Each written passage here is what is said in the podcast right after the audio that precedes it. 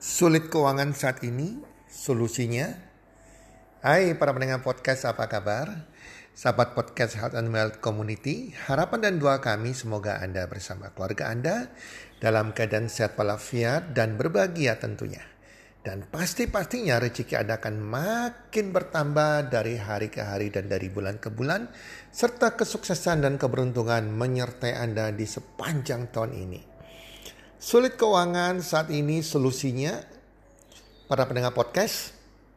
Ada pertanyaan yang datang kepada kami dan menurut saya pertanyaan ini cukup bagus makanya saya sharingkan pertanyaan ini agar pendengar yang lain bisa mendengarkan mungkin punya kasus yang sama yang dialami oleh yang bertanya tersebut.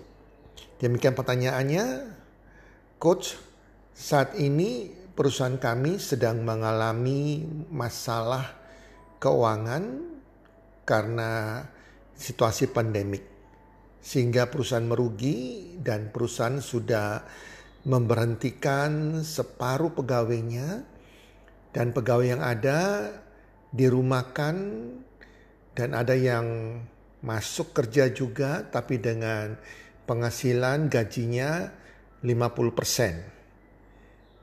Dan ini membuat kami menjadi khawatir dan menurut kami suatu saat juga kami akan di PHK juga.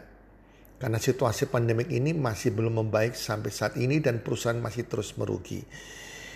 Jadi keadaan keuangan kami sangat sulit sekali dan apa yang harus kami perbuat. Para pendengar podcast itu pertanyaannya dan saya percaya banyak yang mengalami hal demikian juga Oke, saat ini pandemik ini kita nggak pernah tahu sampai kapan berakhirnya dan ini bisa cukup lama teman-teman dan intinya dampak kesulitan keuangan akan terjadi. Baik kita bekerja sendiri, kita bekerja ikut orang, apalagi kalau kita bekerja ikut orang, perusahaannya mengalami masalah keuangan dan mengalami kerugian, itu akan berdampak ke pegawainya. Bersyukur kalau hari ini Anda tidak mengalami dampak dari masalah keuangan.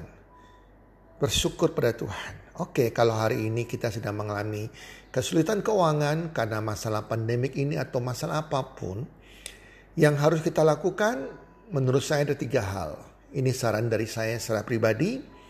Yang pertama, yang nomor satu adalah Anda cari Tuhan Cari Tuhan, dekat dengan Tuhan, berdoa sesuai dengan agama dan kepercayaan Anda masing-masing.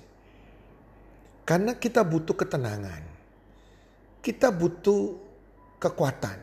Kita butuh pengharapan. Dan kita percaya bahwa Tuhan Maha Kuasa, Maha Penolong. Sehingga pada waktu kita mengalami situasi apa pun, Jangan kita bingung, jangan kita ketakutan berlebihan, jangan stres.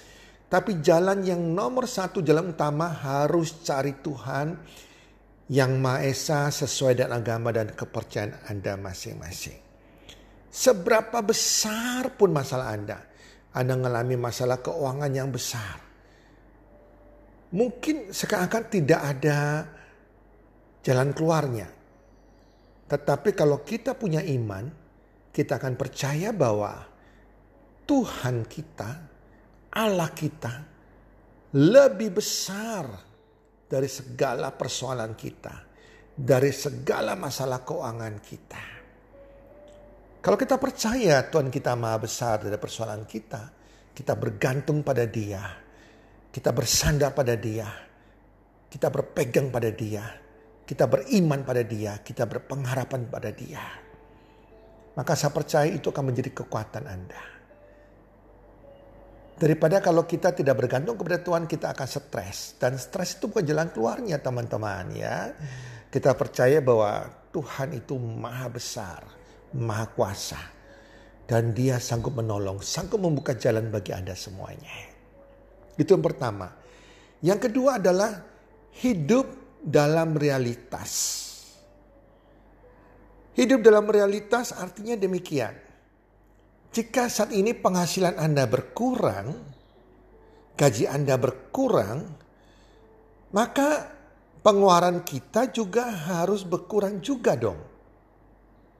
Jangan sampai penghasilan Anda berkurang, gaji Anda sudah berkurang 50%, penghasilan pengeluaran Anda tetap sama.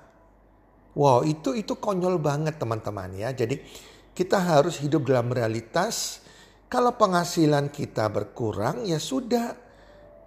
Ya, kalau dulu kita sering ngopi di coffee shop, sekarang ngopinya di rumah saja. Kita mulai melihat anggaran rumah tangga kita, pengeluaran kita setiap bulan, kita harus cut-cut mana yang tidak perlu.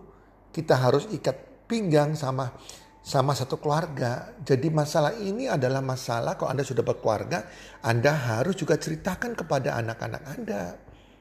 Banyak orang tua tidak bijak mengalami masalah keuangan, dia tidak bercerita kepada anaknya. Sehingga orang tuanya sungguh-sungguh berusaha hidup hemat, mengurangi pengeluaran, tapi anak-anaknya tidak mengerti keadaan orang tuanya. Itu kurang bijaksana. Kalau saya pada saat saya dalam keadaan kekurangan, kami pernah mengalami keadaan kekurangan teman-teman.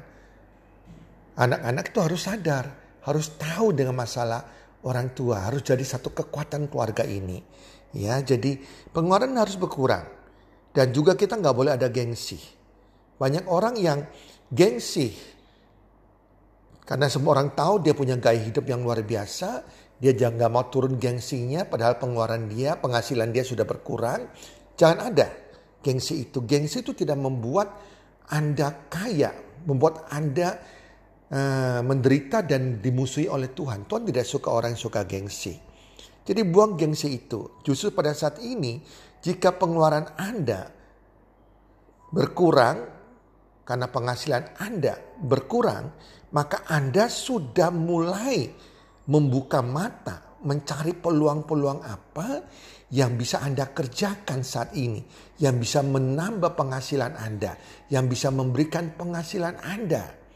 Apa pun itu selama halal Anda kerjakan, selama itu adalah bisnis yang benar, peluang yang benar, Anda ambil walaupun itu di luar bidang bidang uh, pendidikan Anda, ya hal-hal yang tidak Anda mengerti mungkin di bidang Anda bidang yang baru, selama itu tidak berisiko menghabiskan modal Anda dan itu bisnis yang halal dan Anda ada Anda bisa mengerjakannya, bisa memberikan penghasilan yang pasti, ambil itu, kerjakan itu.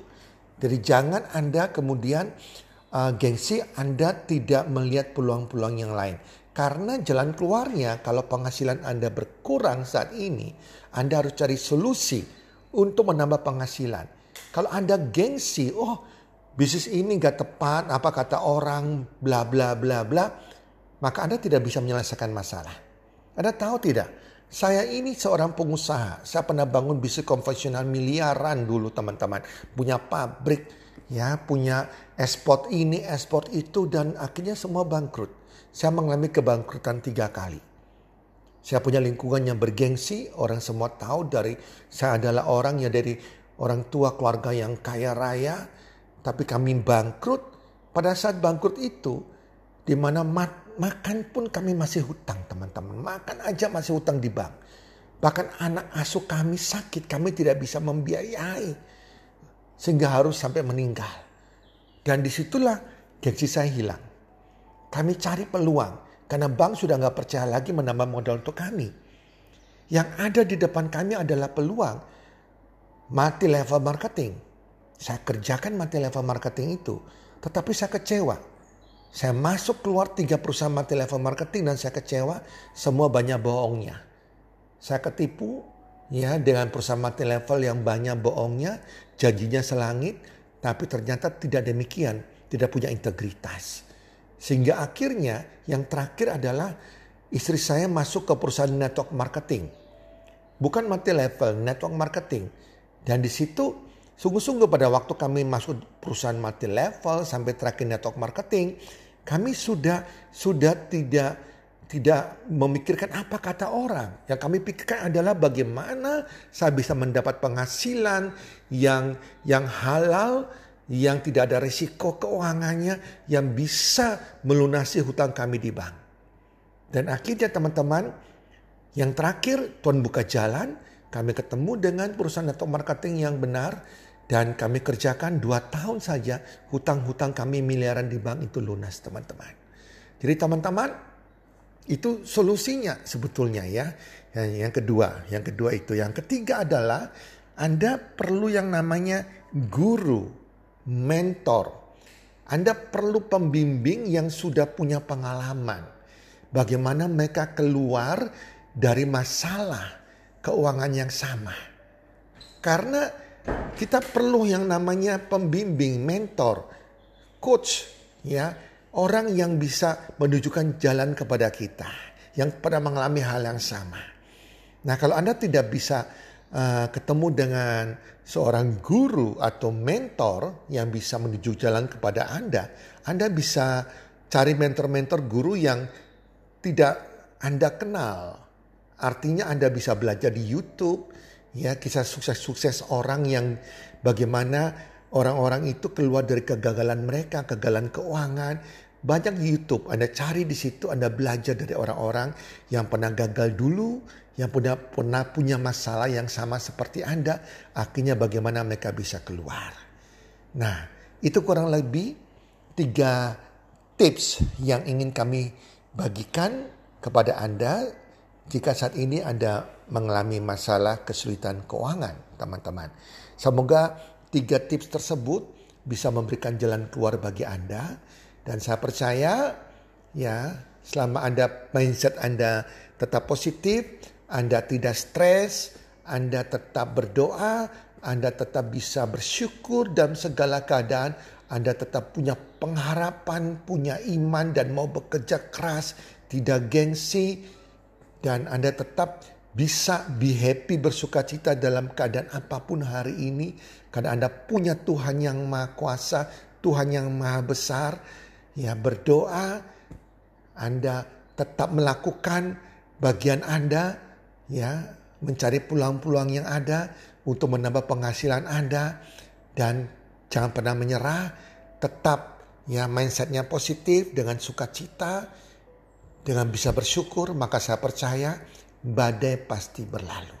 Anda akan menemukan jalan keluar untuk masalah keuangan Anda. Semoga bisa membantu dan bermanfaat bagi Anda. Dan doa saya kepada Anda yang penanya tersebut, Semoga masalah Anda, Anda akan ketemukan jalan keluarnya.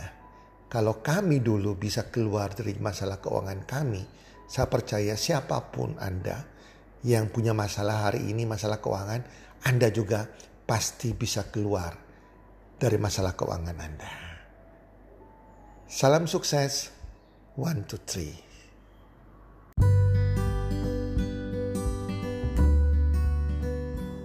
Terima kasih sudah mendengarkan podcast kami. Teman, jika Anda rasa bermanfaat podcast kami ini, Anda bisa menginfokan kepada rekan kerja Anda, keluarga Anda, teman ataupun sahabat Anda.